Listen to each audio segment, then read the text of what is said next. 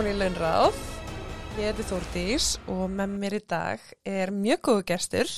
Lilja Björk. Yes. Um, en við ætlum að fara yfir mjög ógeðfælt en áhugavert mál. Mikið rétt. Ég valdi vel. Já. Á ég ekki bara að byrja þetta? Jú, let's go. Ég Let's go. spennt. Mjög spennt. Herðu, hann Armin Meivers, hann fættist í Essen í vestur Þýskalandi í desember árið 1961. Hann var eini sonu móðusinnar, Valdrótt Meivers, en hann var þriðja barðföður síns sem að hafi verið giftur tvísvar áður. Fjölskyldan átti aðra eign í smábænum Vöstefeld nálagt Rotenborg. Þar áttu þau stórt timburhús sem hafði hvorki meirann í minna en 36 svefnherbyggi og var heimili staðsett í jafðri bæjarins í stórum gardi með mikið gróðri. Það var sérst bara svona frekar, Svo búgarður, þetta var með hestum allir, eða ekki? jú, og þú veist, frekar bara svona einskorðað. Já. Já. Heimilið var úr þungum viðarbjálkum og miðaldra innréttingar og sérst bara svona stígin heimili fjölskylduna var eins og stíga bara aftur í fortíðina.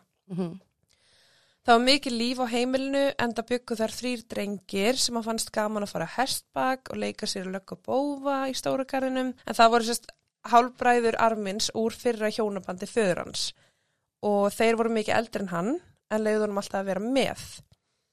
Hins vegar, þegar armin var sex ára gamall þá fluttu bræður hans að heiman en það þeirra tími komin til að hefja sitt eigi líf. Eitt daginn þegar Armin var að leika sér í gardinu með öðrum börnum úr hverfinu þá heyrði hann útidurhurinn að skellast og sá föður sinn farin í bíl og keir á stað. Hann vissi að eitthvað var að svo hann hljópa eftir bílnum og kallaði eftir honum. Pælti ég bara, bara, oh, sásaukin. Mhm. Fadir hann stoppaði ekki. Hann fór á hans að kveðja og leitt aldrei tilbaka. þarna kemur aðskilnaðar ótti og kvíði og svona. Þetta var bara að skrifa í bækunar. Akkurat. og það sem gerist í kjölfarið af þessu er náttúrulega bara beintengt við þetta aðbygg, sko. Þetta byrjar allt hér. Já. Fyrir honum var brott fyrir föður hans algjörlega út í bláin. Hann held að fóreldra sínir væru ánaðir og eftir að bræður hans voru farnir þá var faður hans í raun það eina sem hann var eftir. Mm En nú var hann farinn og hafði aldrei samband við arminn aftur. Hann tæmdi inn í bankareikningin og skildi ekkit eftir nema húsið. Stuttu síðar eftir þetta lést ammans en neitt áfallið. Armin gati ekki tekist á við fjölskylda áfallin. Honum leið eins og hann hefði mist alla fjölskylduna sína á tveimur árum aðeins átt ára gamall. Móður hans saði lítið eftir að eiginmaðurinn hennar fór, hún dróð sig úr öllu félagslífi og eitti mestum tíma heima fyrir í Vöstefild. Já, hún er náttúrulega líka sjálf svolítið eftir þetta, svolítið niðurbrotin og líður svolítið. Hann er náttúrulega yfirgefa hana líka, Ég, ég er að sko. segja það, já. Þannig að uh, hún, sem sagt, sko, hún skapaði sér eitthvað svona fantasíu líf. Ég segja hún fyrir ykkur gerðhæring. Ég er að segja það. Það er eitthvað sem gerist hjá henni, Já, af því að nú er hún alltaf orðin, sko, frúin í setrinu og arminn er þjóttin hennar. Hann er ekki lengur sonurinnar, elskulegi þau sonurinn. byggur sér, eða hún bjóð til eitthvað, eitthvað draumalífarni kring, já. Já, og hún letu klæðast upp í eitthvað fatna frá miðöldum og þau borðuðu svona formlega kvöldvar í borðstofunni. Þú veist, þetta var bara, Hennar draumafantasía skilur. já, og hún var eiginlega bara svolítið orðin bitur og bara beindi hatri svona að arminn. Nú var hann alltaf orðið þjóttnin Mm -hmm. Og svolítið svona eins og þetta væri honum að kenna. Já, ok. En hún sem sagt reyndi bara að afmá hann úr lífi sinu og byrjaði að kalla hann Minshin Ok. sem er sem sagt gælunafn fyrir ungar stúlku. Oh. Já, og var stöðugt bara að gera lítið úr honum fyrir fram að nágrann og vinafólk. nágrann sem eru samt í 5 km færlega skilur þú veist er nú ekki eins og hann hafi Nei, það er bara ef þau eru í búðinni, er skilur að þá bara, já. þú veist, það er endalaust verið að pota á íta, sko. en hann er aðleit með henni þú veist þannig að hann á ekki Nei, Nei. það er ekkit annað. Hann var mjög einmana og fannst hann einangrur frá umheimnum. Hann, sem sagt í kjölfarið, býr til ímyndaðan yngri bróður sem hann kallaði Frank. Hann sagði honum allar innilegustu hugmyndir sínar og drauma og hann elskaði einnig sérst sögun af hans og Gretu. Sérstaklega hlutan þar sem hann Nortnin vildi borða þau. Já, vildi sér að fita hans svo hann geti borðað hann. Þegar hann var tíu ára þá las hann Robinson Crusoe í fyrsta skipti og bara það var hans jam. Jam. Robinson kemst í tæri við mannætur, fanga og uppröðstamenn áður en honum er bjargað af frjádegi. Að er þetta bara batnabók.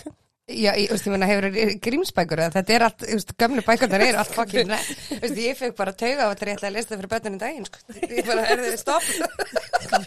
Góður. Trókislegt. En sko, frjádagur verður sérst, þjóttnans og þeir læra mikið á hver öðrum og hann lítur á mannátt sem eðlan hlut sem að lét arminn sérst bara fá hann áhuga á því að borða mannakjött. Mm. Þannig að nú er hann með þessa bók, Með draumavinn sinn hann að draumavinn sinn bókina og allt í hann er allt eð, eðlilegt í kringu þetta sem hvernig alltaf bókinni. hann, hann alltaf bara eitt skilur enginn til þess að halda neinum, þú veist, öðru hjá honum, þannig að hann byrja bara í ímynduna. Ég, ég minna það er enginn til að segja bara nei ekki þetta og þetta og ekki þetta. Nei, er ekkert heilbreytt umhverfi, skilur. Nei. Jésús, elsku. Honum fann sláturhús heitlandi og fylgdist af aðtikli með þegar þeir söksuðu og sneitu kjött. Þegar hann horfði á var hann ímynda sér að þeir væri að vinna með mannakjött. Hann fann húmor í fantasínu og hugsaði með sér hvernig kjöttbúð sem að seldi mannakjött myndi líta út. Hvað myndi standa á skiltinu þar sem að vanalega stendur nautulund og svínakjött? Hvað ef það sagði? Michael, 16 ára, ljósarður, vöðvasteltur, heitland og vingjallegur. Sjálfsög, maður ekki að hlæja þessu, en Kristur. gott að nafni var líka með. Það er bara gaman að spila fótbolta. uh, en já, þú veist, þetta er alveg góða pælingar, skilur, og því maður er bara eitthvað, þú veist, hvað á að standa, bara eitthvað, Þú veist, það myndi örglega standa bara, þú veist, já, það, þú veist, ég veit ekki, mat, mataræðið eða, ég, veist, ég veit ekki, íþróttamæður, maður helst ekki fá þá, ekki fita á sig, ekki bræða þessu. akkurat, Já, pottit eitthvað svona bara sófaklasa, frábært. aha, nóa fytu. Nóa fyttu. Já. mm. En Armin var sérst, þarna orðin heldtekinn á hugmyndinni um að borða mannakjött og var vissum að þessi aðtöfn myndi hafa varaleg tengsl. Hann ímyndaði sér að sundra og geta jafnaldra sína svo þeir gætu verið hjá honum að eilifu. Þeir myndu aldrei geta yfirgefa hann eins og bræður hans og fadir hans gerðu. Þetta er einmannleiki okkur, þetta er bara, Já. einhver bara, Og hann vonaði sérst bara að ef hann myndi borða eitthvað þá myndi sá aðli bara koma í hausinn mm og vera Þar að eilífu. Já. og líka bara þetta með aðskilnaða kvíðan Mm að, þú, að þeir get ekki yfirgifið þú er búin að borða hann, hann er fastur í nú, þú, Hann er alltaf partur farið. aður, bara alveg saman skvartnum aður, þú settir hann inn í því, skilur, já. Já Þegar hann komst á kynþróskaldur þá þróist ímyndarafleðans og ímyndaði sambandars við Frank var nú orðið kynferðislegt. Ó, nei, var þetta ekki Já. bróður hans? Ég það var ímyndaði bróðurinn. Eða nú er- hann hættur að bróður hans? Þú eru klekki. Fúlu skipta! þú veist, ef hann finnst mannakjött. Já, ég veist ekki að Það er potti. alltaf bara að sifja. Já, ég meina, hann, kemur sér mikið mikið fyrir það. Mm. En hann sem sagt átti það til líka að skapa aðra unga menn í hugunum og hafði náttúrulega bara áhuga á þeim. Og hugsunin á þeim, sérst, myndan á lýsingu Róbesson á frjádegi. Mm. uh, þú veist, lýsingin er bara hann er myndalur, hann er fullkominn velgerður, þú veist, með sterka útlimi, ekki stóra æ, þú veist, þetta er bara einhvern veginn svona Fantasía hjá honum, bara hans fullkomna. já, og hann er bara búin að sjá fyrir sér þennan frjádag Mhm. og sérst, útbúa bara ákveðna mynd í hausin á sjálfu sér en hann þráði að upplifa þessa fantasíur og var staðrán í því að sá sem að myndi verða hans fyrsta tilraun myndi þurfa að fórna sér og arminn mætti ekki þvingan á nokkurn hátt. Já, þú veist, já, hann, honum leið, leið ekki svona langaði að vera ofbildis, eða þú veist, Nei, þú veist, hann þyrfti að fá þetta samþykja. Þú verður að segja já við mig. já. Þannig að, þú veist, hann er ekkert eitthvað allslæmur, skilur við. Hvað er smá mannakjöld milli vina? Já, ég verða, hei. Fólk og fólk er ímislegt undir samþyggi, það er, hann, uh, en hann var sérst bara að hugsa hérna að vinurinn gæti haldaði fram að lifa innra með honum. Mhm. Armin eitti mestu frítíma sínum heima hjá móður sinni. Hann fór aldrei út meðal vina því ef hann vildi hitta krakkan úr hverfinu þá var það að vera heima á honum. Því að móður hans hafði það mikil áhrif á són sinn að hún leta hann fá samviskubitt ef að hann var ekki miðni á hverri sekundu til að halda henni félagskap og hugsa um hana. Vá. Já. Og þegar að það var komin tími til að hætta í skólanum að þá sá Armin tækifæri til að komast úr þessu kæfandi heimilislífi er það 16 ára? Já. að Klára, klára grunnskóla. og hann gekk þá í herin Mm. og Hann, hann, bara stakk af. Já, hann, hann bara það bara sendi mig sem lengst í burtu og aldrei aftur heim en hann, sérst, hann hafði gaman á tíman sinum þar og bara sérst, vildi gera þetta af atvinnumennsku Í, að vera í hernum. mm Ok. Á þessum tíma fór hann að efast um kynneið sína. Hann átti í nokkru frjálslegum sambandi við konur en það var aldrei neitt úr því. Það var einn stelpanafni Petra sem hann hafði hitt í gegnum stefnum út af síðu sem að taldi sig vera alvarlegt Mhm. en hún sleitt sambandinu áður en að gátti gift sig. Ok. Það var svona, já, eina alvarlega stelpu sambandið. Gagkinniða sambandið. Vá, jésús, orðið dættið þú mér. Ég bara er ekki að sjá fyrir mér okkur, ég bara er ekki að skilja eftir, eftir allt í barnasko hvernig hún er líð, hvaðan það kom allt í hennu. Ég finnst hann er búin að vera með hennar frankin fyrirslega eitthvað. Já, ég er bara að hugsa hvort að, hvort að, að því að fór í herin og vera umkringdumönnum sem töluðu um þetta, hvort hann að, Já, að og bara verið eðlilegu hlutir og hún bara hvað ég ætla að reyna þetta, en svo náttúrulega bara gengur það ekkit upp, af því að, Alltaf líka bara hvernig móður hans var. já, ég seg, Þú veist, bara hann, hún- hans áhuga á hvernfólki er auðvitað bara, Enginn, sko. bara, En ég held að sé líka meira bara svona, þú veist, samfélagið og, og samfélagið er ekkert að samþykja þetta á þessum Nei. tíma. Þú veist, við erum í sko 1900, 70 okkar. já, 1980 eitthvað. Early, þegar við erum komin þangað. Já. Já. Alltaf í Þýskalandi. Uh, jú, jú. Já. Alltaf þegar Armin kom heim með stelpum þá vildi móður hans ekki samþykja það. Mm. Hún vildi bara það besta fyrir són sinn og enginn af þeim stúlkum var nógu góð fyrir hana. Þessi alls. Hún vildi Allt heilbreytt. allt mjög heilbreytt sko og ekki nóg með það. Herri, hún vildi fylla öll 36 herbyggina barnabönnum, fjölskyldu og vinum og það var hennar eina ósk. Með eitt barn sem að, hún bara, hún klárlega var búin að skafa af öllum heilasellum hann. Akkurat og sko búin að útskófa úr samfélaginu þannig að hvernig ég ætlar að búast við því að hann kynnist konu til að koma með heim til að búa til börnin sko eða karlmanni, Já, e, e, já, já, þú veist, en en allt í hennu þarna er bara hennar draumur eitthvað að fylla húsi að fjölskyld og vinum en fólk mátt ekki sjá hana skilur fyrir fimm árum Já.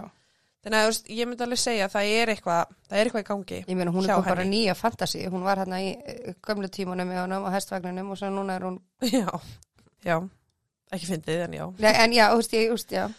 mm En Armin, hann áttaði sig á því að hann laðaðist líka karlmunum og honum fannst hann ekki vera algjörlega samkynniður, heldur heitlaðast hann á báðum kynjum og taldi sig vera kvíkni.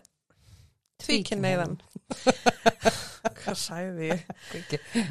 Sumir vinnir hans í hernum töldi hann vera samkynniðan mann sem vildi ekki gera ofinbært. Mm -hmm. Hann væri bara fastur Mhm. Og myndi ekki vilja segja neitt og það var, fólk var alveg að byrja að taka Ég sé að fólk líka vitundin á þessum tíma en náttúrulega við vitum að þetta er út um allt en það var samt ennþá tabú.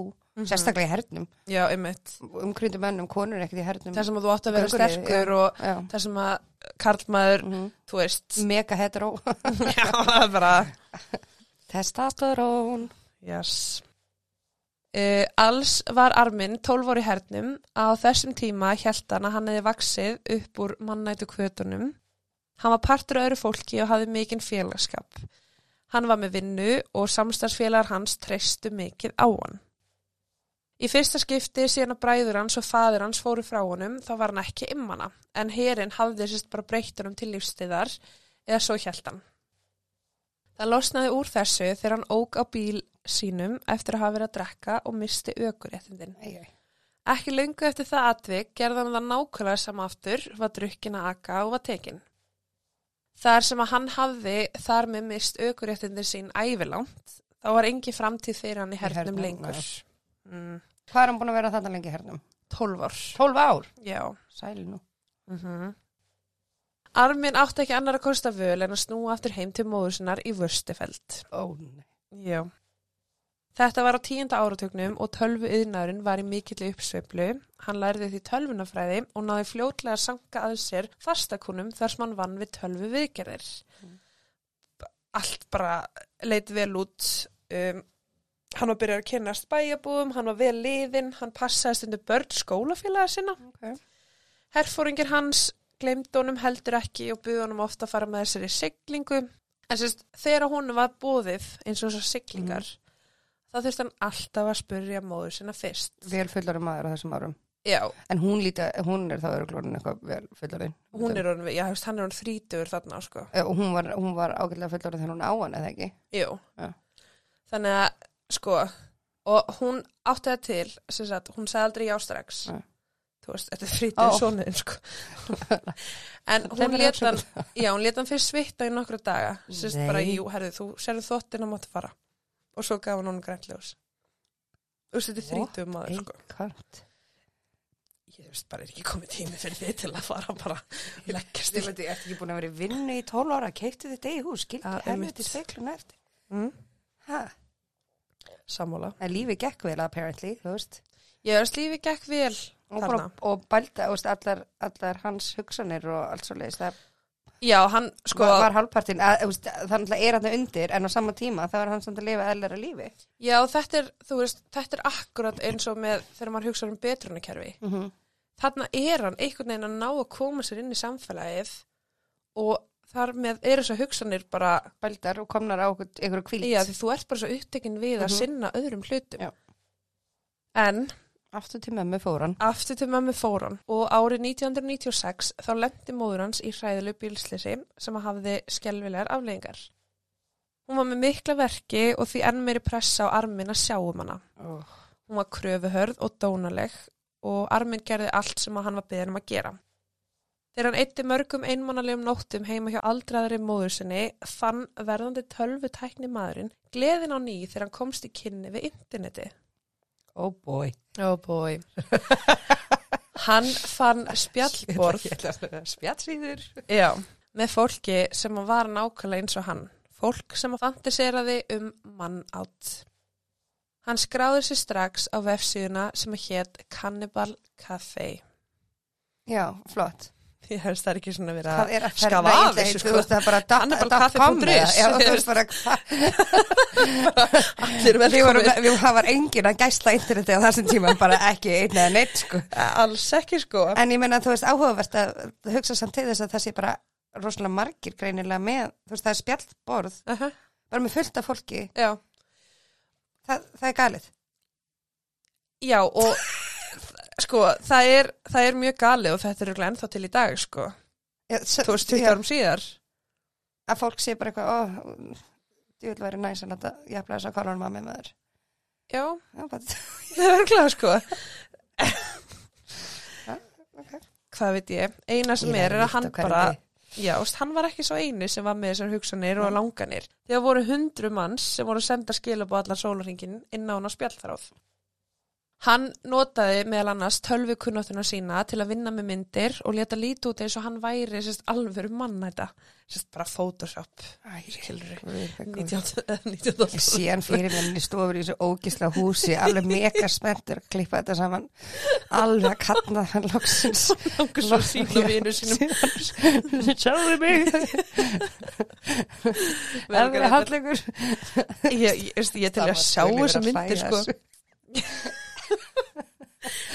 En sko, hann mótaði sérst fígurur úr marsipani og hann tók myndir að sér svona höggva fígurunar í sundur. Almáttugur. Það var sérst bara, Það var bara klám fyrir þeim, bara þetta var hot stuff. já bara þetta og sko, þú veist, hann er örugglega að nota paint á þessum tíma sem er svo pixlað sko, en já, fyrir honum leitið út eins og hann væri bara að skera alvöru mannakjöld. Cool. Það sem hann áttaði sig ekki á var að hann var sérst með kynlífsafbreyði í verku sínum eða sérst paraphilic disorder uh, sem var fljóta að fara úr böndunum. Mm -hmm. Blæti hans var mjög sérstakt, hann vildi Karlkins hold frá mannesku sem hann þekkti og líkaði við sem myndi sjálfviljur gefa sjálfa sig fram. Já. Svo vildi hann slátra líkinu með því að búta það og sneiða og það var það sem að kveikti mest í honum og það sem hann talaði allra mest um. Mhm.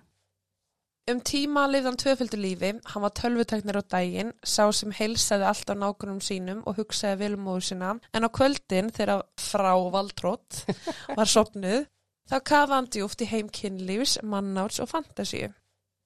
Í september árið 99 snýr hann heim eftir vinnu til að finna móðu sína látna. En hún var sérst komin áttræðis aldur og hafði fengið hjertafall. Já, meðan hann var í vinnu. Já. Nú var Armin orðin húsbóndi og loksins frjáls. Hann þurfti ekki lengur að sjá um móður sína eða haldinni félagskap og fór fljótt út af spórinu í kjölfarið. Mm. Hann drakk mikið og sást oft á The Blue Moon sem er bara vændishús í Rotenburg. Mm. Vændisús með konum þá? Já. Það áhugavert, ég er ekki, ég er ekki að botna neitt. Nei, en er þetta ekki bara smá svona, hann er náttúrulega Já, en hún er langar að geta menn, er, er og það hann er að fantasera um Já. menn, sko. En veist, en er þetta ekki bara smá að þú þorir ekki að Já, að bara, já, að leifa að, já, ég geti líka. Já. En þetta er náttúrulega líka, sko, vændishús, þetta er náttúrulega líka bar. Já. Getur verið að hafa Líka bara að leita sækja sér í félagskap, skilur, já. Já. En sko, stelpunar sem að unna á þessum bar, eða í þessu húsi, þær tóka eftir að hann var bara rosalega kvenlegur og þær hugsaðu með þessi bara, herðu, ok, Já, hann er þessi er samkynniður. En ég minna hann alltaf bara svo hver hann að konu, Mhm. skilur Mhm. Hann barðist við að sætta sig við nýfengna frelsið og dróð sér tilbaka úr félagslífinu. Hann hörfaði í heimfantasíunar sem að honum hafði lengi dreymtum. Þegar móður hans var farin þá var möguleiki á að fantasían hans geti loksins orðið af veruleika. Í nóvumber ára 99, tveimur mánuðum eftir andlát fröywaldtrott, voru engin merki um hana lengur á heimilinu. Armin hafði sérst endun í að gamla húsið innan, hann gerði ekkert vel. Nei, ok, ég var alveg, tvei mánuðum, Nei, ég var nei, ekki nei, nei. 36 herbyggja, litla vinnan. Já, sko, sum herbyggi voru hálf kláruð, þú veist, önnur í rusli og þetta var aldrei full klárað Það reyndi allavega. Já. Já. En sérst, í hluta húsins, þar sem að engin vinnur hann sá, þá byggði hann sláturhús. Guð minn góður. Já. Og sko, í loftinu var kjötkrókur og þú veist, á gólfinu var plastklætt borð og svo var líka hérna búr. Það var sko eins og svona hænsnakofið eitthvað bara í rimlum. Þetta er búið að vera svona krútlega umræð, þá kannski ég, ég veit ekki hvað, svo er ég já, ok, þetta er bara, Now we're here. we're here. Ég var eitthvað, ok, já, ok, við erum bara komin ákveð, ok? Já.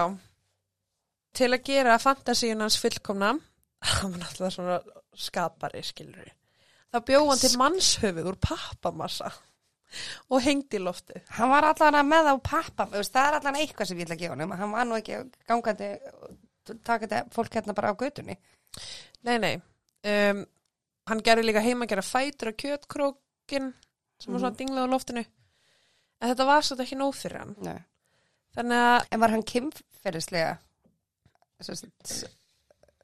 aðlaður að þessu, skilur? Já, já, já, já. þetta var, sem sagt, það er einmitt þarna sem ég var að tala um á hann. Það er hérna Physiliac disorder, Já. eitthvað slíkt.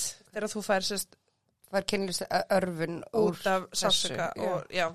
Mm. mm. Æði. Það var mikið spjalla á netspjallinu á Cannibal Café og Armin var tilbúin til að setja inn sína fyrstu auglýsingu. oh my god, og hún hljóðaði eins og Hann notaði nafni Franki í höfuð og ímynda æskubróðu sínum. já, Franki var að leita myndalum, ungu manni á aldrinum 18-25 ára sem var líkamlega aðlandi, ekki ósvipaður frjádegi hans Róbersons Krúsó. Já, En auglýsingin var bara, ert þú á aldrinum 18?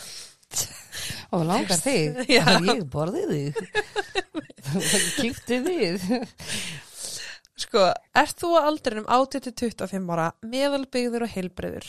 Er löngun þín til að binda enda á líf þitt, deyja og gera eitthvað sem hafði þýðingu? Komdu þá til mín.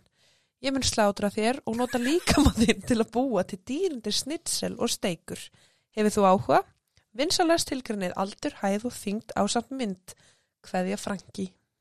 oh my god, ég mun slátra þér Já, þú veist, en en bara búin til dýrindis bara gómulaði hérna Ég bara, ég ætla bara, ég ætla bara hérna- gott að róka Snitsel og smjör, sko. Það er bara kotnið með kartöflu með þér og ég er bara reddi. Eftir mig Innmat fyrir hundana og svona Akkurat. En sko, ótrúlegt en satt að ég heldur trúið ekki, sko, en svörin voru mjög fátíð. Já, ég, þú veist Hann var, hann var ekki alveg að finna sinn mann, sko, En ég held að líka hafi öruglega verið fleiri hans megin skilur, að það sé öruglega fleiri sem að sem að vilja, vilja borða sama. Já, e, þú veist, það eru öruglega færri sem er eitthvað ó, ó, ég var alveg sjúki að klára lífið og bara vera borðið Já, líka bara, þú veist, hvaða átján ára Einmitt st- Ungur maður sem að líti svona út hefur einhverja þörf fyrir þetta, ekki neitt Príma lífsins veist. Uh-huh. Þannig að hann, sko, í kjölfarið þá breytti hann aldrinum upp í 30 ára til að auka við umsókninar. Mhm. Og þá fekk hann meir en 200 svör og þurfti sérst bara að fara í gegnum svona skimunaferli. Það sem hann var bara, eins og einhvers, ég að segja ekki vinnu hjá þér, sko. Já. Uh, eitt svar hljóðaði svo að það stóð Hæ Franki, ég hef verið að leita vönum slátrara í nokkuð tíma sem gæti slátra mér og láti mig blæða út. Ef þú hefur áhuga þá netfangi mitt, punktur, punktur, punktur. Almáttugur. Annað samtal var Kæri Franki. Ég hef verið að leita reyndum slátrara sem rótar mig eins og löggum með heftibissu og læti mig blæða út. Hvenar hefur þú tíma? Armin svaraði því, ég vona ég geti skorðið fljótlega, segðu mig frá sjálfu þér. Hann fekk svarið Franki, ég er 1,78 cm á hæð, 78 kíló þegar ég er nakin. Ég er svartarður, sterkbyggður og hilbriður. Hvenar viltu slátra mér? Kristur Já, Og þeir eru allir samt að tala um vana slátra hann er nú ekki vanur slátari nei, einmitt. Veit hann eitthvað hvernig hann er að gera það? Nei, en ég held að sé bara þessar Photoshop myndir, sko. Það var sem mass í pannarna, fíkurum sem var bara búið til. What a master Serðu skorið það Hann ætti kannski Professional Akkurat. Fyrsti gaurinn sem hann hitti var 34 ára kokkur að nafni Jóerg Bósi. Hann bauð Jörg heim til sín og fór með hann í sláturhúsi. Hann var heitlar á hugmyndans en sko, þegar arminn var búin að spenna niður á borðið og var bara tilbúinn til að fara í gegnum þetta, þá leiði hann um illa og sagðist ekki vilja ganga í gegnum þetta lengur. Arminn tók allt upp á myndband og lifti sér nýja vini sínum niður og sleftunum. Hann þurfti þetta samþykki. Hann vil Þú að þú komið sjálf viljur, skilur annars, annars vill hann ekki hafa þig alltaf með sér, þú þurft að vera eitthvað næskaur. Ég er að segja að hann Hann vil er ekkert fara að hafa sko. ykkur að djöfla í Ég er haustum á sér sko. Einhvern sem er að skamma hann daglega fyrir að hafa getið. það er bara að hafa eitthvað hugulega en með þér. Mm, Ég skil hann alveg. já. Er það samt? Ég var að fara í spítali neyðalínu bara rétti þessu sko. Först í ykkur herbyggi með þér. Er þetta ekki pottur? Næsta inn? Uh, um, sko, það voru mjög margir sem að höfðu áhuga og það voru sumir sem að gengur svo langt að hittan stundum hittan þessi væntanlega komandi fórðalum sín á hótelherbyggi og allir höfðu þú veist bara skýra hugmyndu hvernig þau myndi vilja deyja. Einn myndi meðal annars vilja steiki sig á pönnu þú veist, og þetta var bara eftir, eftir að hann er dáin, já, hann að að þetta er náttúrulega snýst allt um slátrunina. Já, annar vildi láta drepa sig með hamri og vera svo slátrað veist, og það var bara fantasían og undirbúningur sem að æsti þessa menn. ok. Þegar þeir hittu arminn, þá rann döðin upp fyrir þeim Já. og þeir skipta allir um skoðun. Ég meina, ég, þú veist, að sjálfsögð, Já, það er bara komið að því, bara er þeir eru bara hér og nú eða ekki. Já, bara minna hvað gett að láta steikja mig Já, en skulum ekki klema því, þú ert lengur farin að þú mætir að helviti spennuna, þannig að þetta bara, það er ekkert sem að þú fara út úr þessu kalli minn. ég var ekki neitt Oh. Síðan í janúar árið 2001 þá rakst hann á tilkynningu á Cannibal Café sem að vakti áhuga hans. Kaffi Cannibal Cafe. Þar stóð dinner og var þráðurinn byrtur af aðila sem að kalla þessi Keitor. Í henni stóð, ég býðist til að láta borða mig lifandi. Hver vill það í raun og veru? Hverjum vantar ósveikið fórnalamp? Engin slátrun, en þú mátt borða mig. Engin slátrun Nei, okay. Hann vildi þess að bara leifa þér að borða kjöt, en hann vildi ekki deyja.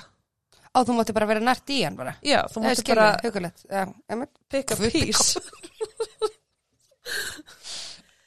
Uh, þessi maður uh, sem að byrti tilkynninguna, hann hétt Bernd Brandes, verkfræðingur frá Berlín. Uh, hann var sérst, kynferðislegur masokisti sem að vildi að getnaðalimur hans erði skorin af.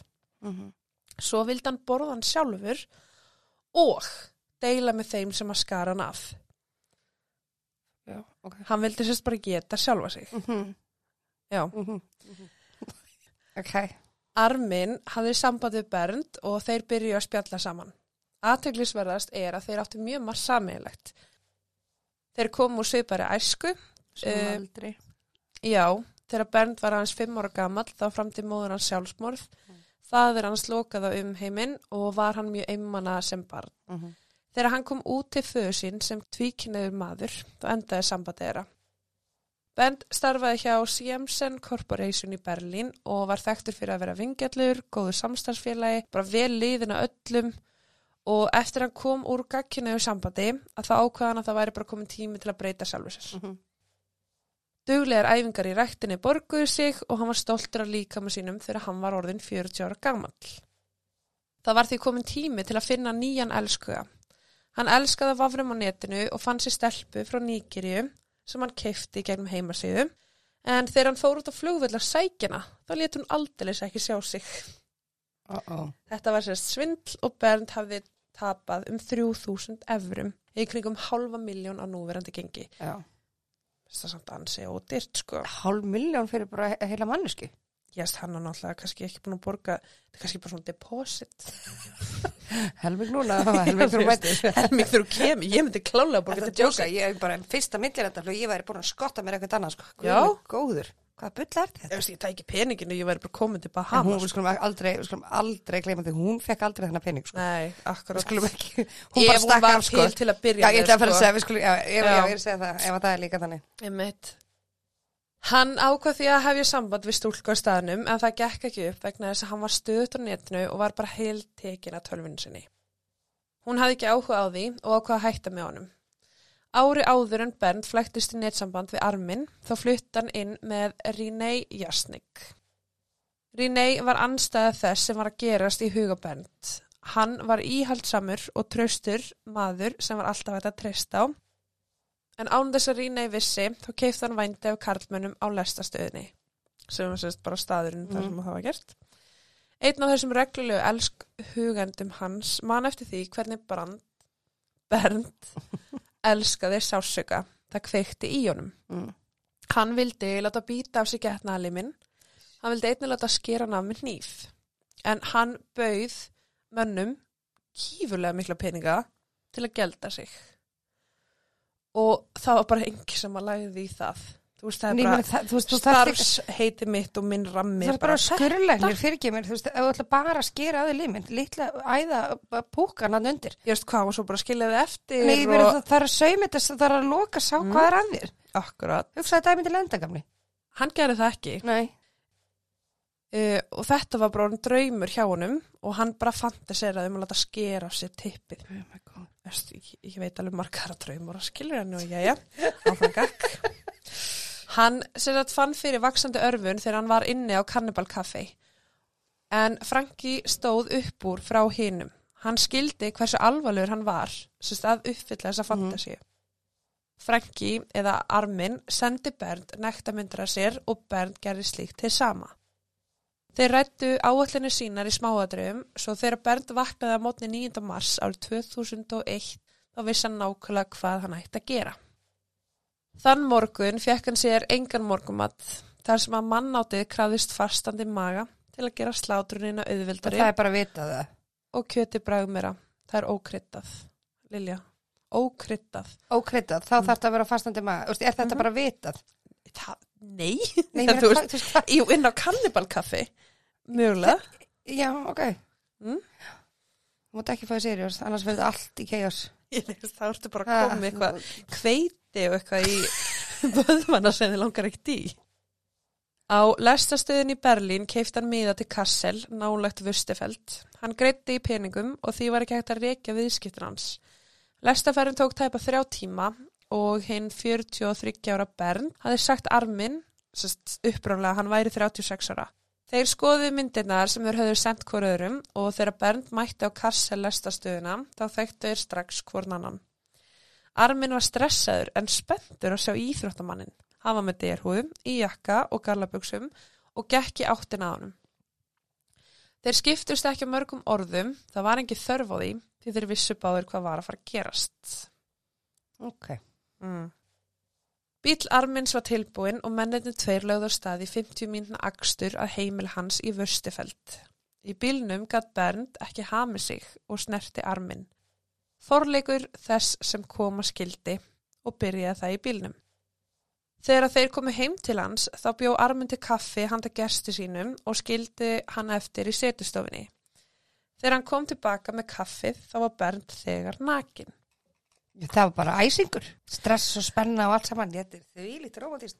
Já, mjög romantist. Hann sem sagt sagði admire your dinner. Ég ætla að byrja að nota þessa setningu.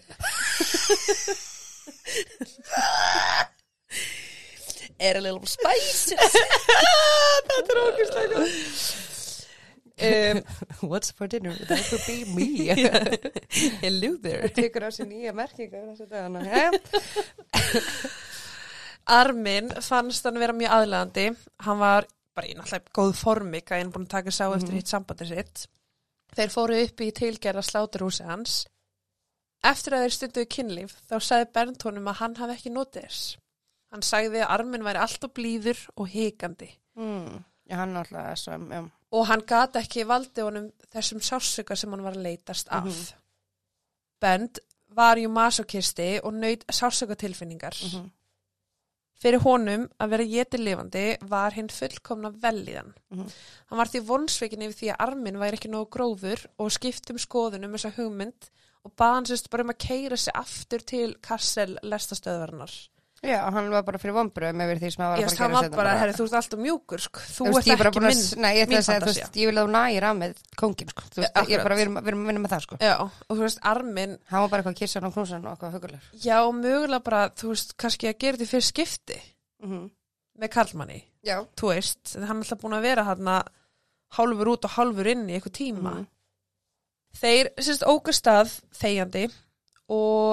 að eftir smástund þá skipti Bernd um skoðun. Hann hefði ekki hægt að gera það. Mm. Hann fór alla þessa leið af ástæðu og ákveða gangi gegnum þetta. En á heimliðinni þá stoppuðu þeir til að kaupa söptöflur og kveflif. Kvefi lif. Já, eða sérst svona bara eins og hóstasafti, eitthvað sem hún verður. Já, svona Getur- drási, sopna, Já. já, já, ok. Þeir stýru sér þú getur þú þú fengið betri líf bara Petri en út á hotni, sko. Hóstasaft. Í ósveflif. Ég hef farið beint bara Ketogam. dýralæknis, bara geti ég fengið smá, eh, smá special K hérna, smá geta mér er þetta alveg tala, hugsiði lengra? Ok, ég samt eins og, og raðmór ekki núna, en, Ég okkur er ekkert að hugsa til enda hérna?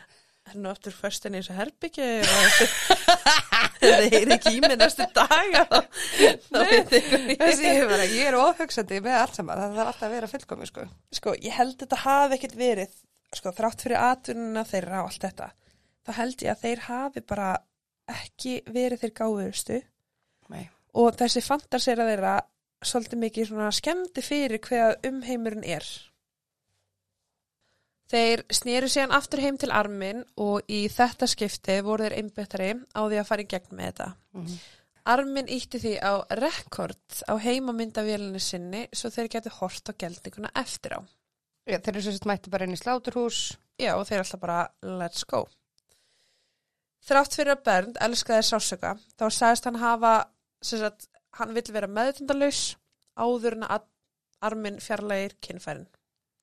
Já, veistu ok, þetta er fyrsta gáðulegasta sem ég heilt frá mannunum, bara, Já, hann, sem sagt, drakk flösku af þessu hóstasafti, það tók, ger ekki neitt. ger ekki neitt, hann tók svepptöflur Okay. og hann skólaði þeim niður með hálfri flösku af brennivíni. Já, flott.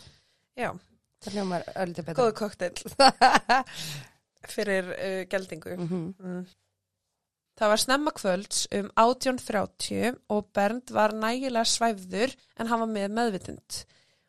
Í fyrstu vildi hann að armin myndi býta getnaðarlimin af sér en það tókst ekki. Það var því komin tíma á plan B.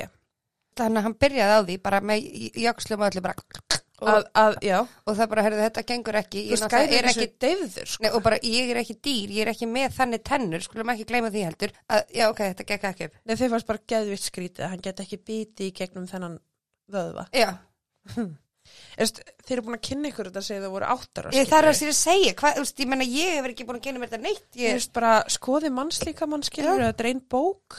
nei, og líka bara tennurnar á ykkur, þú veist, við erum ekki gerð þannig, Mhm. mannfólki skilur Nei.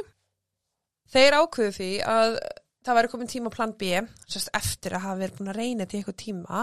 Bernd setti tippið á sér á eldúsborðið, sérst bara svona doink upp á.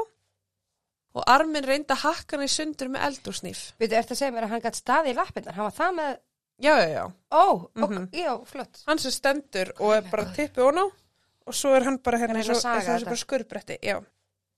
Hann er sérst að reyna að hakka það, ó, ég fæ bara, Það sem ég hugsa með mér í bara þegar þú færir sláturhús þá serðu það með hann að exi já, og bara því líka eflið og til að taka þetta þá tekur þetta með öðru góð já. hvað saga þetta að með? Hvað ertu bara með ertu smjörhníf? Já, það. bara hvað þetta? Veist, eða hvað ertu með, ertu með svona brauðnýði sem er svona ottum þú veist Já. hvað, hvað ertu að gera þetta Já, einmitt, einmitt, það mistókst. one would, nei, surprise. Já, þeir voru sérst að nota bara veljan eldúrsnýf sem er náttúrulega bara smjörnýfur. Síðan beittari hníf. Sérst, þá er hann pott fær sig yfir brauðnýfin, sko. og að þessu sinni tókst það. Já. Það var blóð allstaðar og bernd öskraði. Mhm. Það sem kom armin á óvart var að öskrin hættu eftir um 30 sekundur. Bernd sagði að sásökinn hafi dvínað undarlega og var mjög vonsvikinn þar sem að hann hafi vonast til þess að þetta myndi meiða hann meira. er maðurinn að djóka það? Nei, og þetta er sko allt tekið upp. Ah, já, já, Mm. Blóðið spýttist út eins og gósbrunur og það að minnstakosti veittur um ánægju. Að sjá sjálfa en ég menna eins og blæða með út. sásugan, ég menna maðurinn er að blæða út þú veist, hann líka með fyrir sjokk hann stoppar, þú veist, Mhm. já Hann er alltaf líka búin að drekka þetta, ég er að segja líka verið að segja bara, já eða þú veist, við ykkur bjóstam. Sleftu þessum, þessu hóstasafti. ég, veist, ég voru langar í sásuga að vera betra fyrir því bara að brenna þig, bara með loksuðtæki og eitthvað, skilur, bara lefa húnaður kvik ný Mm. þegar langar í alveg sásuga, skilur just, ég hljóma, nú hljóma ég eins og If you will, I can do it. aðti átti, hello Burning Cafe. Óska eftir. nei, ég er bara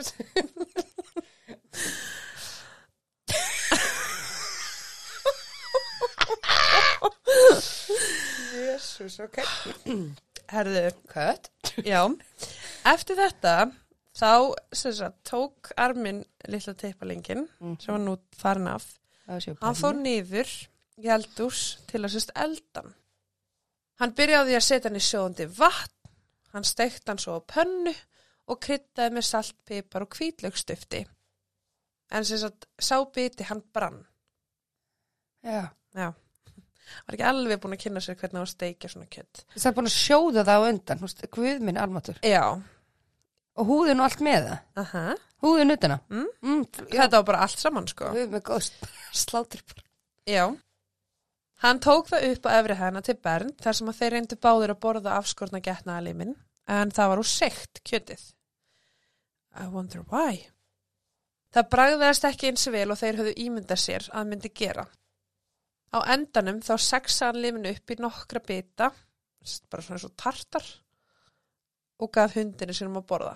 Já, sko, ég geta lagsa tart í gær. Ég fæ bara my svona. god og hundirinn sinni við þokkafót og át hann þetta með bestu, nei hann er ekki snert við þessu. Öruglega, sant? Hundurinn minn myndi geta hvað? nei, nei Það myndi geta kúki sinn. já, Ef hann mætti það. trú. En þú veist, allt hann er þetta þarna fyrir lifandi, hvað? það er bara blæða þarna úr klófin á Og Já, hann bara, er sérst, honum er bara blæð út. Já. Og meðan honum er að blæða út, þá eru þeir að horfa upptökuna sem þeir höfðu tekið af geldingunni. Aftur og aftur og aftur. Þú veist, þeir eru bara hérna. Fyrst að bara gegja. Um klukkan 21.30, sko, þremu tímum þetta verður að segja, síðar. þú veist þetta byrjaði hálf sjö og Já. þetta er hálf tíu þá er Bernd orðin kaldur og hann er sérst bara að missa meðutund hann sagðist bara ekkert blóð eftir í honum bara, nei þú veist, hann er náttúrulega bara liggur hann Mhm. sko. Hann sagðist vilja fara í heitt bað og sagði að dauðin gæti verið þægilegri. Mhm. Armin útbjóða fyrir hann og hjálpa honum að komast ofan í. En hann eitt þessast uh, 2-3 klukkutímum í baðkarnu og svona hvarf hægt og rólega. Mhm. Þú veist, var bara dett út og aftur inn og Mhm. dett út og aftur inn. Á meðan var Armin í næsta herbyggi að lesa Star Trek skáldsögu. Jókvæmlega eðlilegt, þú veist hérna með, Hæ? þú veist með tippatarta og ertu með einhvern gæja hérna. Að blæða út inn á baði? út og þú Og þú- ert bara hérna á er ekki eins og ég hefur spjalla við hann á meðan hann væri á- Nei, bara, er, bara góð ferð félagi. Ég verð hérna í Star Trek. Uh -huh. okay. Akkurat. Um miðnætti ringdi Bernd sérst, hann ætla bara með símaðinni og hann vildi komast upp á baðinu. Honum tókst að komast út sjálfur en hrasaði En síðan hann og fær fjall. lifandi á miðnætti. Já, hann er bara þú veist, hann er hálf meðutundalaus en hann er ennþá með meðutund Armin tekur hann inn í söfnherbyggið að Bernd hjælt en hann sagt, tekur hann inn í rúm sem er inn í sláturhúsinu. Já. Bernd sagði Armin að ef hann væri enn á lífi daginn eftir þá getur snætt aðra enga hlutina hans. Og Hann er ennþá hausin á honum Er ennþá þarna, bara mér langar ennþá að fá bara Já, veist, hann er bara, herðið þetta tippi og vond maður, prófum raskinuna. Tökum kúlurnar, nipplurnar, skilur, þú veist, ég veit ekki hvað hann var að hugsa, skilur, en, en þú veist, hann er bara, herðið, prófum eitthvað annað. Shit hann, Hitt var ekki að virka. Og hann segir við hann, ekki eins og láta þetta í hug að ringja sjúkrabill. Þú veist, hann er bara, Mhm. don't do it. Alla nóttina rakk Bernd inn og út úr meðutund. Hann reyndi að hreyfa sig en hneig niður við hliði rúmsins. Armin var með honum og hugsaði lengi um hvað hann ætti að gera næst. Armin vildi ekki drepa hann, hann vildi heldur ekki stunda killi með honum. uh, Uh, Sjokker Hann vildi heldur ekki deila kynfærum sínum með honum á meðan hann var enn á lífi. Hinn raunverulega fantasi að fyrir Armin var náttúrulega bara þessi slátrun og mannakjörs átið. Mhm. En hitt sem að þeir höfðu nú þegar gert var til að uppfylla fantasíunas Bernd, Já. ekki hans. Mhm. Snemma um morgunin spurði Armin sjálfa sig hvort hann ætti að byrja til Guðus eða tjöfusins. Hann baði um fyrirgefningu og kisti Bernd á munnin. Hann tók sér hníf og stakk hann tvisvar í hálsin. Klukkan fimm um morgunin var Bernd látin. Armin því byrja að lifa sína eigin Ég vil segja, fantasíu. nú kemur á honum, nú kemur slátur Já, þú veist, nú er hann bara- já, búin að vera nógu þólumóður sko, veist, ætlar aldrei að deyja Já. hérna. En hann, sérst, dró líka hans yfir á kjötkrókin og hengd hann upp á kvolf í loftið. stakk hann í gegnum lappinir á honum eða? Nei, hann bara hengd hann, já, hengd hann upp, já. Hann sundriði síðan líka hans, sko, bókstala þú tekur bara hérna, Mhm. I've seen it done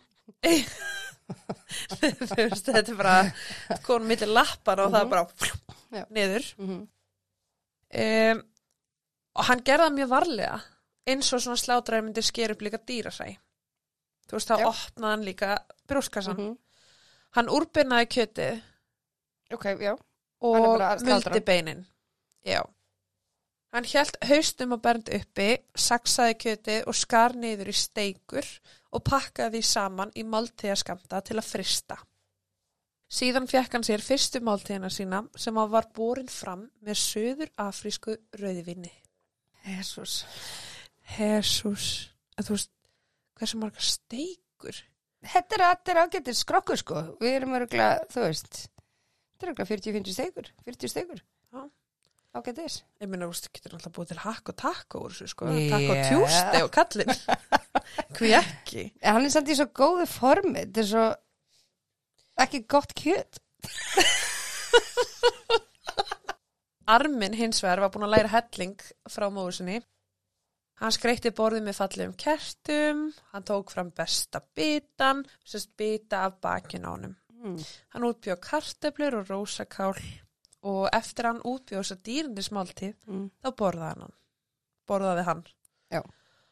Hún er fast fyrsti bitin skrítin auðvitað og fekk tilfinningu sem hann gati ekki líst. Hann hafði eitt 30 til 40 árum í að dreyma um þetta Mhm. og þetta var loksis orðið að veruleika. Hann sagði að fólk myndi líklegast ekki taka eftir mununum eða voru að borða mannakjött því það væri ekkert ósvipa svínakjötti. Svína geta ofta list from now on Já.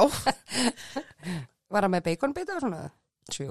Nei, hann með rósakáli, Rósakáli. setur alltaf baconbit í rósakáli, sko. Jú, potið. Armin myndi neyta 20 kíló af holdi bernd á 10 mánu tímabili. Shit. Já.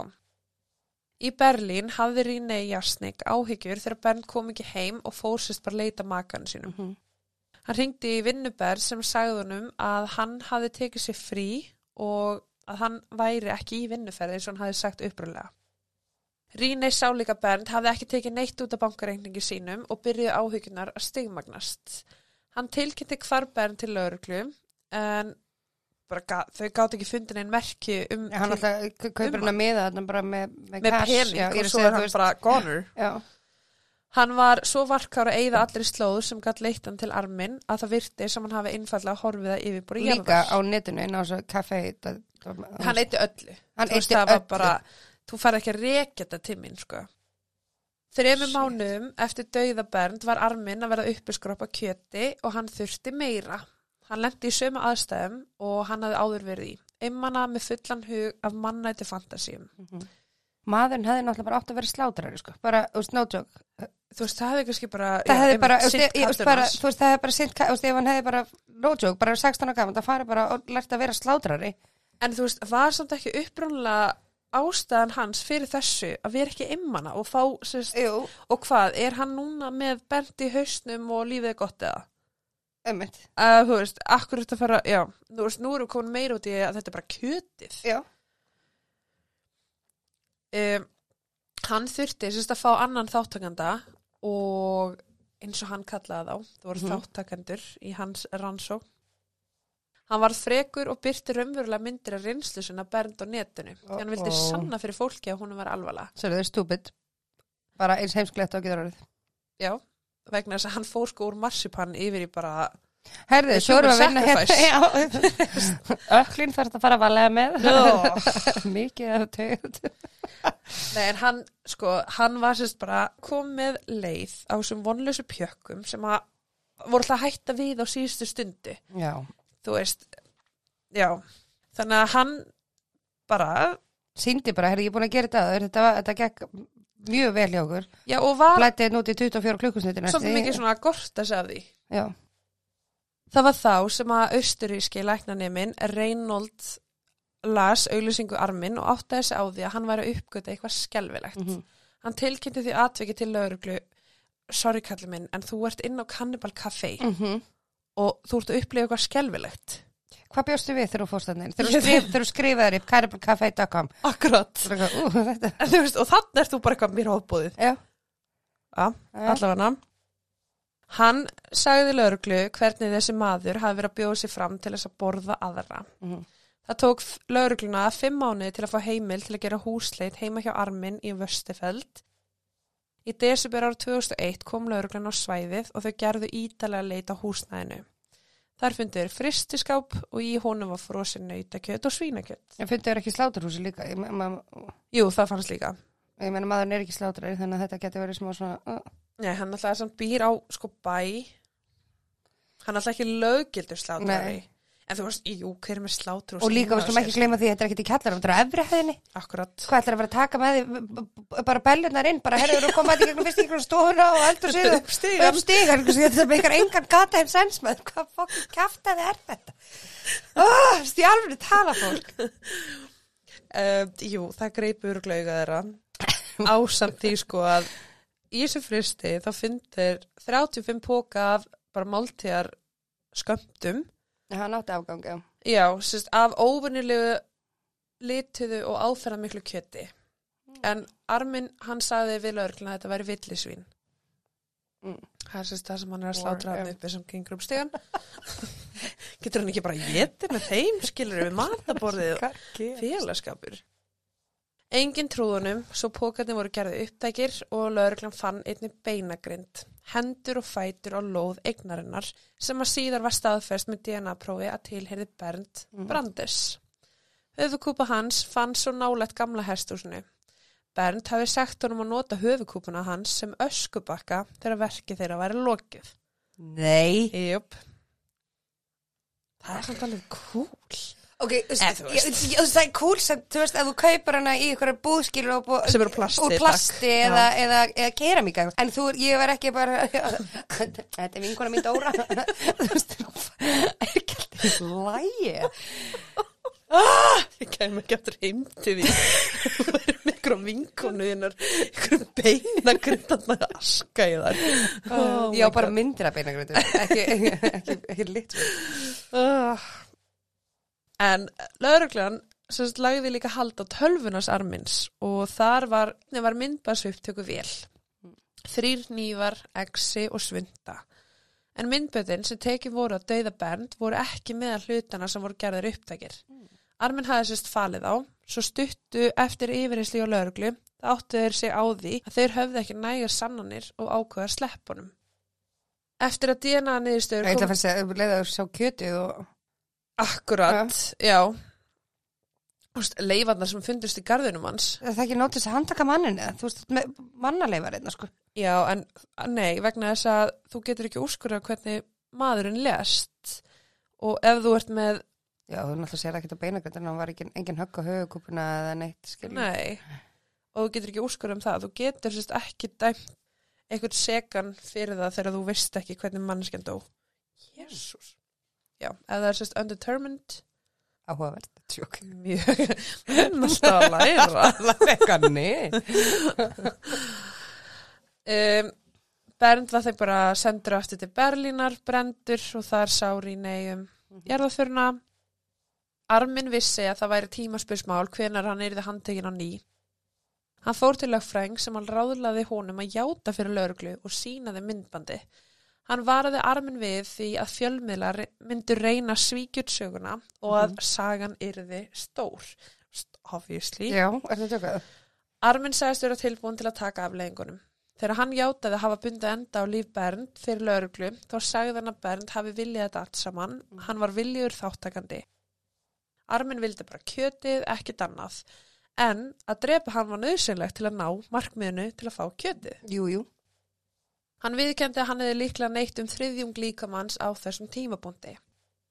Til að styðja fulliringuna sína um að Bernd hefði samþykkt þetta, þá afhendi hann myndbasupptökur af atbyrðinum. Það var mikið af sönnagögnum í málinu gegn armin. Túrst, Mhm. já. Hann játaði hins vegar sekt um aðstóð við sjálfsvík Bernd, en ekki morðið eða manndráp. Mhm. Þetta var náttúrulega bara fordæmalust mál og ákjæruvaldið var að hugsa vel hvernig þeir ætlaði að tækla þetta. Jú, líka því að hann segir náttúrulega við hann ekki voru að ringja á sjúkrabíla lögreglu, jafnvel þótt að hann hefði fengið eitthvað samanskapið, því að drauman hans var ekkit Æ, fættiru? Nei, þú veist, hann vildi náttúrulega bara láta skera sig. Já. Hann vissi alveg að hann væri að fara að deyja. Já, Já, en svo, sko, að því að í Þýskalandi, þá er tæknilega séð mannátt ekki ólulegt. Það segir hvergi lögum, þú mátt ekki borða mannakjöld. Þú mátt ekki drepa mann, en þú mátt, það segir ekki, þú meir ekki borða segir, það, segir það í íslensku lögum? Nei, Að ef ég finni, finni kjöt át og göt og ég veit ekkert hvað hann er, þar er að láta, þú veist, þú mátt borða það. ég er að segja, Það er enginn að fara að banna Nei, það. ég er að segja, þú mátt ekki drepa mann, en það er enginn getur sagt að þú mátt ekki borða kjötið. Nei.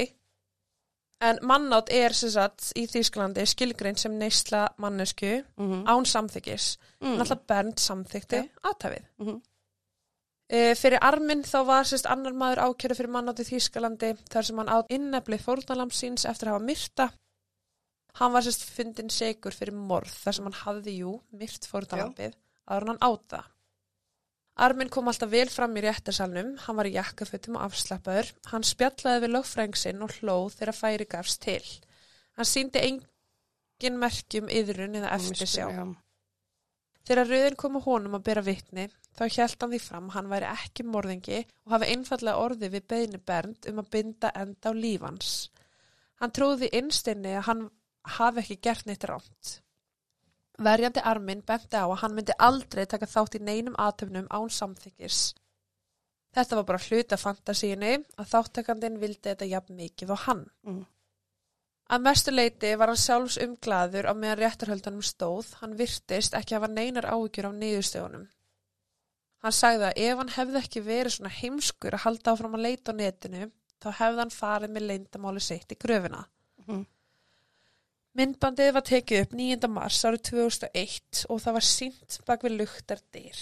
vegna þess að Já, í, dómurum, já, í, í dómsálum, já. já, þeim fannst þetta bara að vera alltaf mikið fyrir almenning til að sjá. Ég bara, ég er bara, já, Já, þeir fengu einungis að sjá 19 mínútur. Og þetta eru margar klukkustundir. Jesus Christ.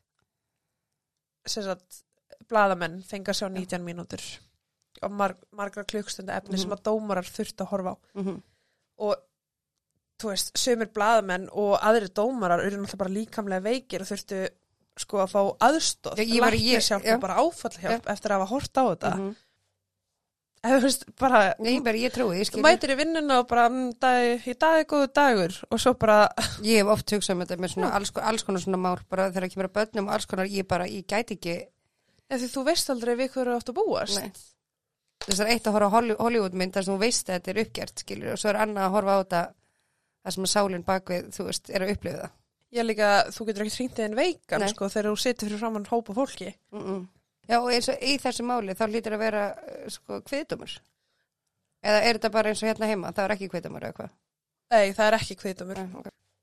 Það er sérst kviðdómur í Bandaríkjunum, það er kviðdómur í Breitlandi, Englandi, Englandi já. Englandi, já. En það er samt í stórum málum, það er ekki í öllum, sko. Nei, það er, þú veist, það er oft og sérstaklega þegar það þarf Mm -hmm. aðstóð, Já, Þeirra. dæma, já. já. Þarna er þetta svolítið svona fyrirsjálegt, Já, en á sama tíma er þetta meira lögfræðilegt heldur en þurfa ykkur aðstóð. Það vita allir að það var ramt á hennum að, þú veist, Þetta er náttúrulega siðferðislega ránt, en er þetta lögfræðilega? já, það er líka, ég er að segja, er veist. þessi meira að vinna þar megin, skilur, að því að maður getur sagt við sjálfsölu, er eitthvað að, þú veist, beint lænsaðin inni, Akkurat. að því að hann komið náttúrulega á leit aftur, hún er langaði í annað fórtum. Já, þú veist, hann var að fara að halda áfram. Já, það, það myndi aldrei stoppa. Nei. En máli er að sérst, þann 30. janúar árið 2004 þá var Armin, hann var sérst ekki fundið morð, heldur fyrir minni eftir manndráp Mhm. og það er, þú veist, morðin alltaf bara morða ásetningi, manndráp er bara mennslárur Mhm. sem er sérst minni og vægari refsing. Það er ekki að planað, Mm -hmm. þó svo þetta hafi verið þraul planað. Uh, hann var dæmdur í átta hálsásfangelsi og var náttúrulega bara reyður yfir þessar niðurstöðu og ítrekkaði að Bernd vildi deyja. Þetta hafi verið drápsbeðinni að hans hálfu og slík beðinni hefur náttúrulega bara hámasrefsingu fimm ár, svo hvað tískulögum. Mm -hmm. Alminningu var ekki ánægð með þennan stuttadóm. Hann framdi sí, svívirðilegan glæp. Mhm. Þetta var fyrirfram hugsað Mhm. og ógeðfelt. Mhm. Ákæruvaldi var á sömu skoðun og áfreyja dómnum, sérst í kjölfarið. Sákvæmt tískum lögum er það morð að binda enda á lífi ykkurs þar sem hvatin er græðki eða til að fullnæja eigin kynferðislegum kvötum morðingjans, Mhm. já, eða til að hilmi yfir annan glæp.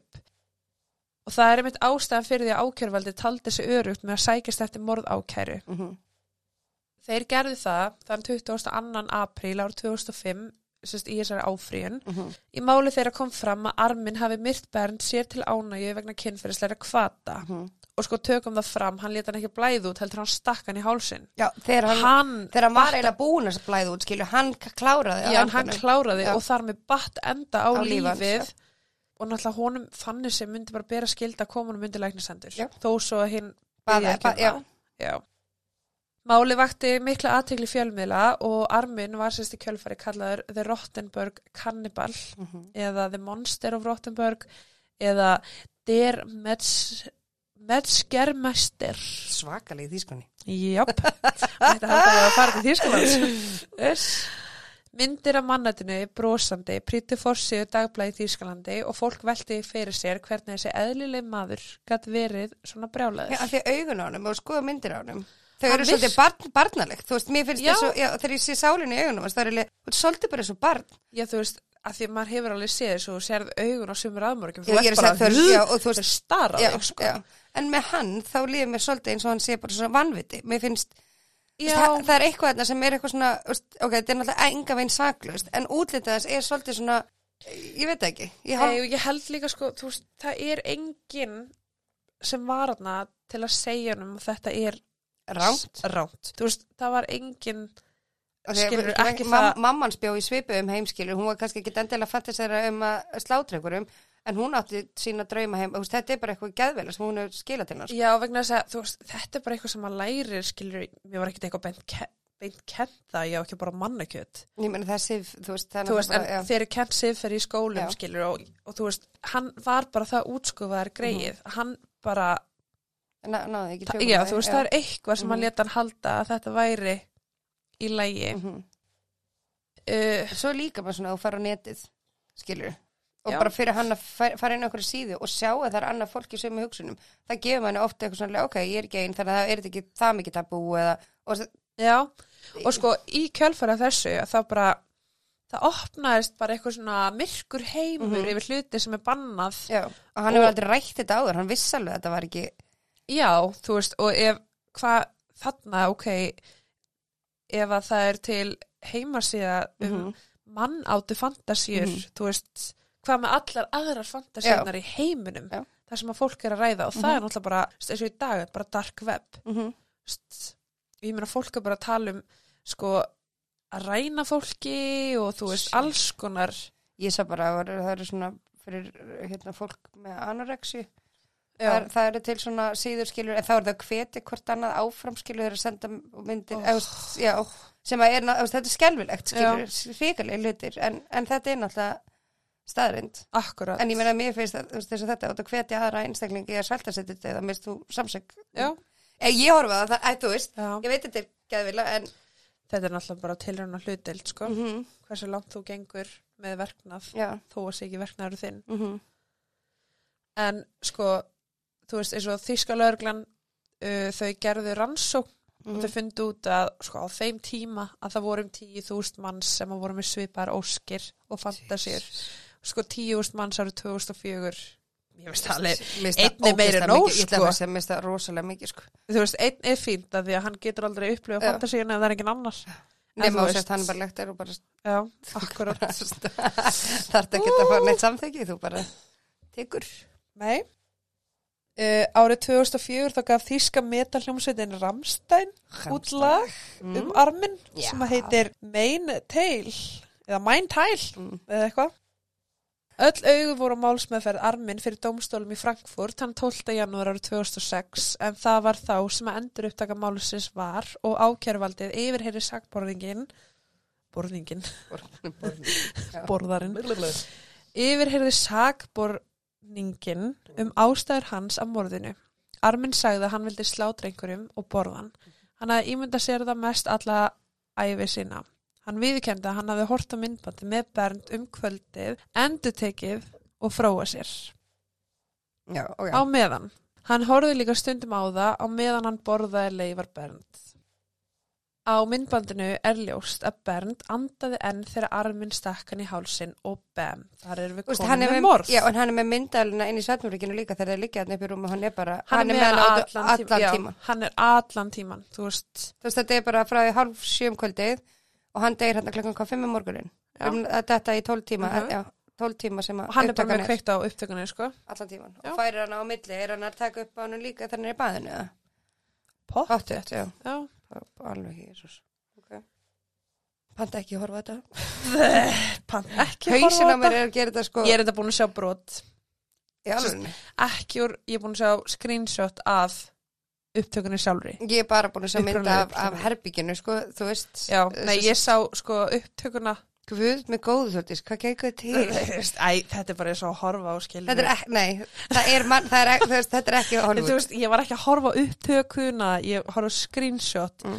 þegar hann er á kjötkróknum. Ekki að það skeiði eitthvað skarra. Shit. og þegar hann er sem sagt Mhm. sunduliðar en já um, það er myndir sem ég fæ ekki aftur.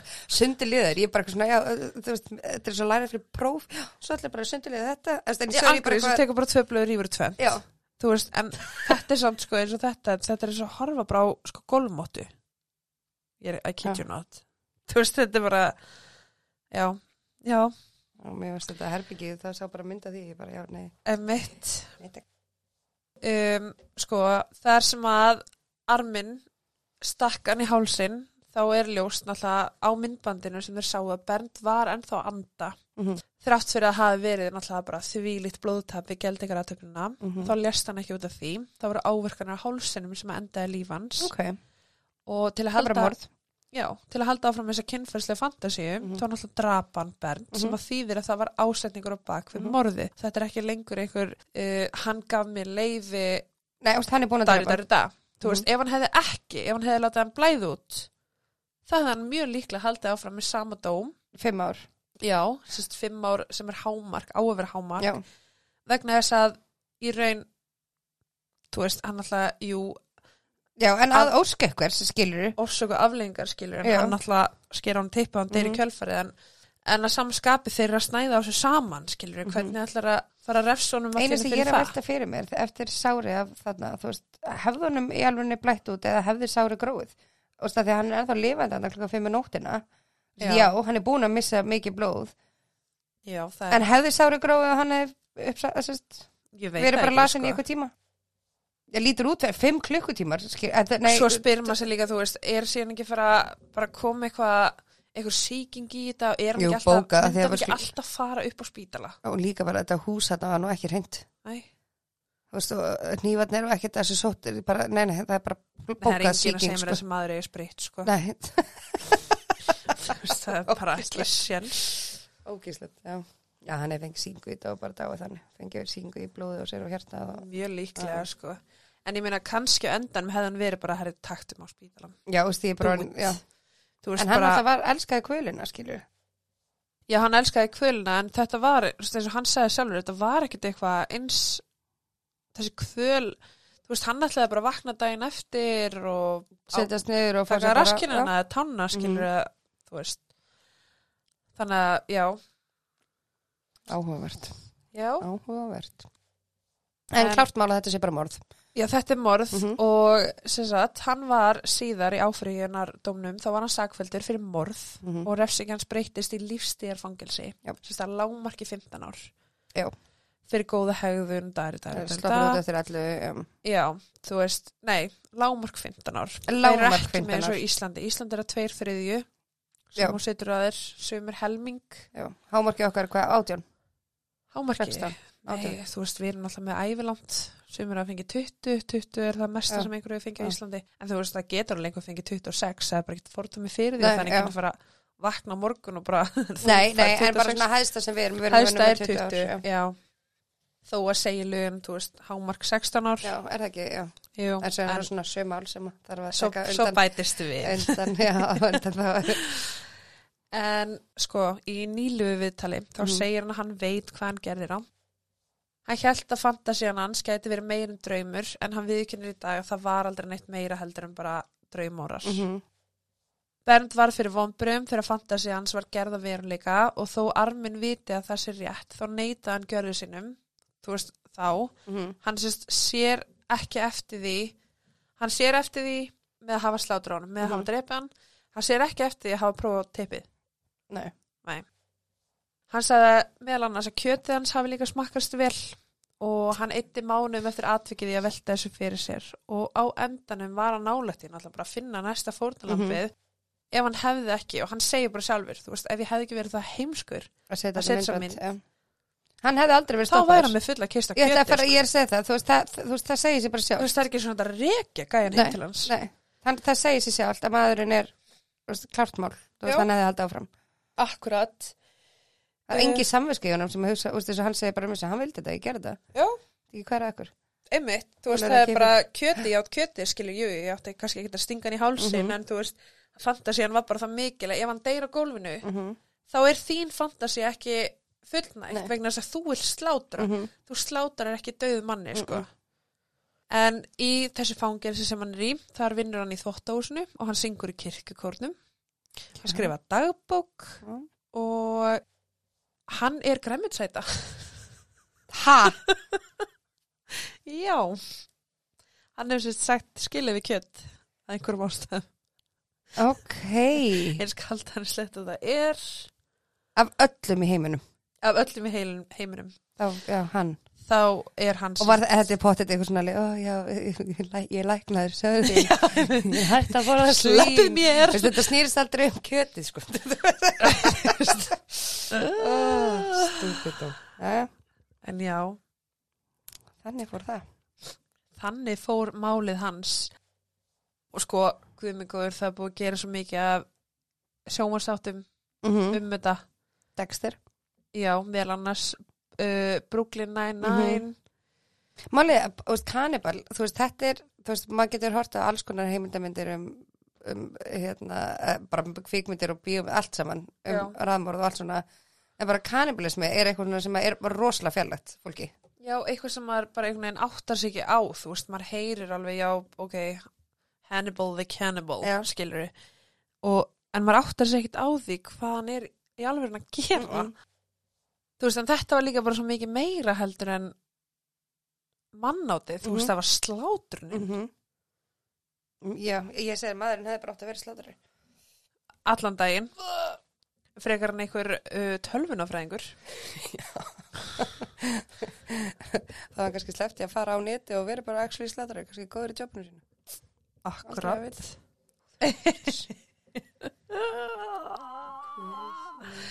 Já, ég allavega ætla að setja allar myndir inn á Instagram sem að ég fann Já, þetta er með, með varúð.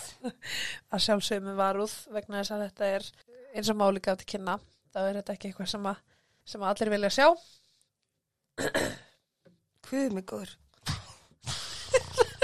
Oh my god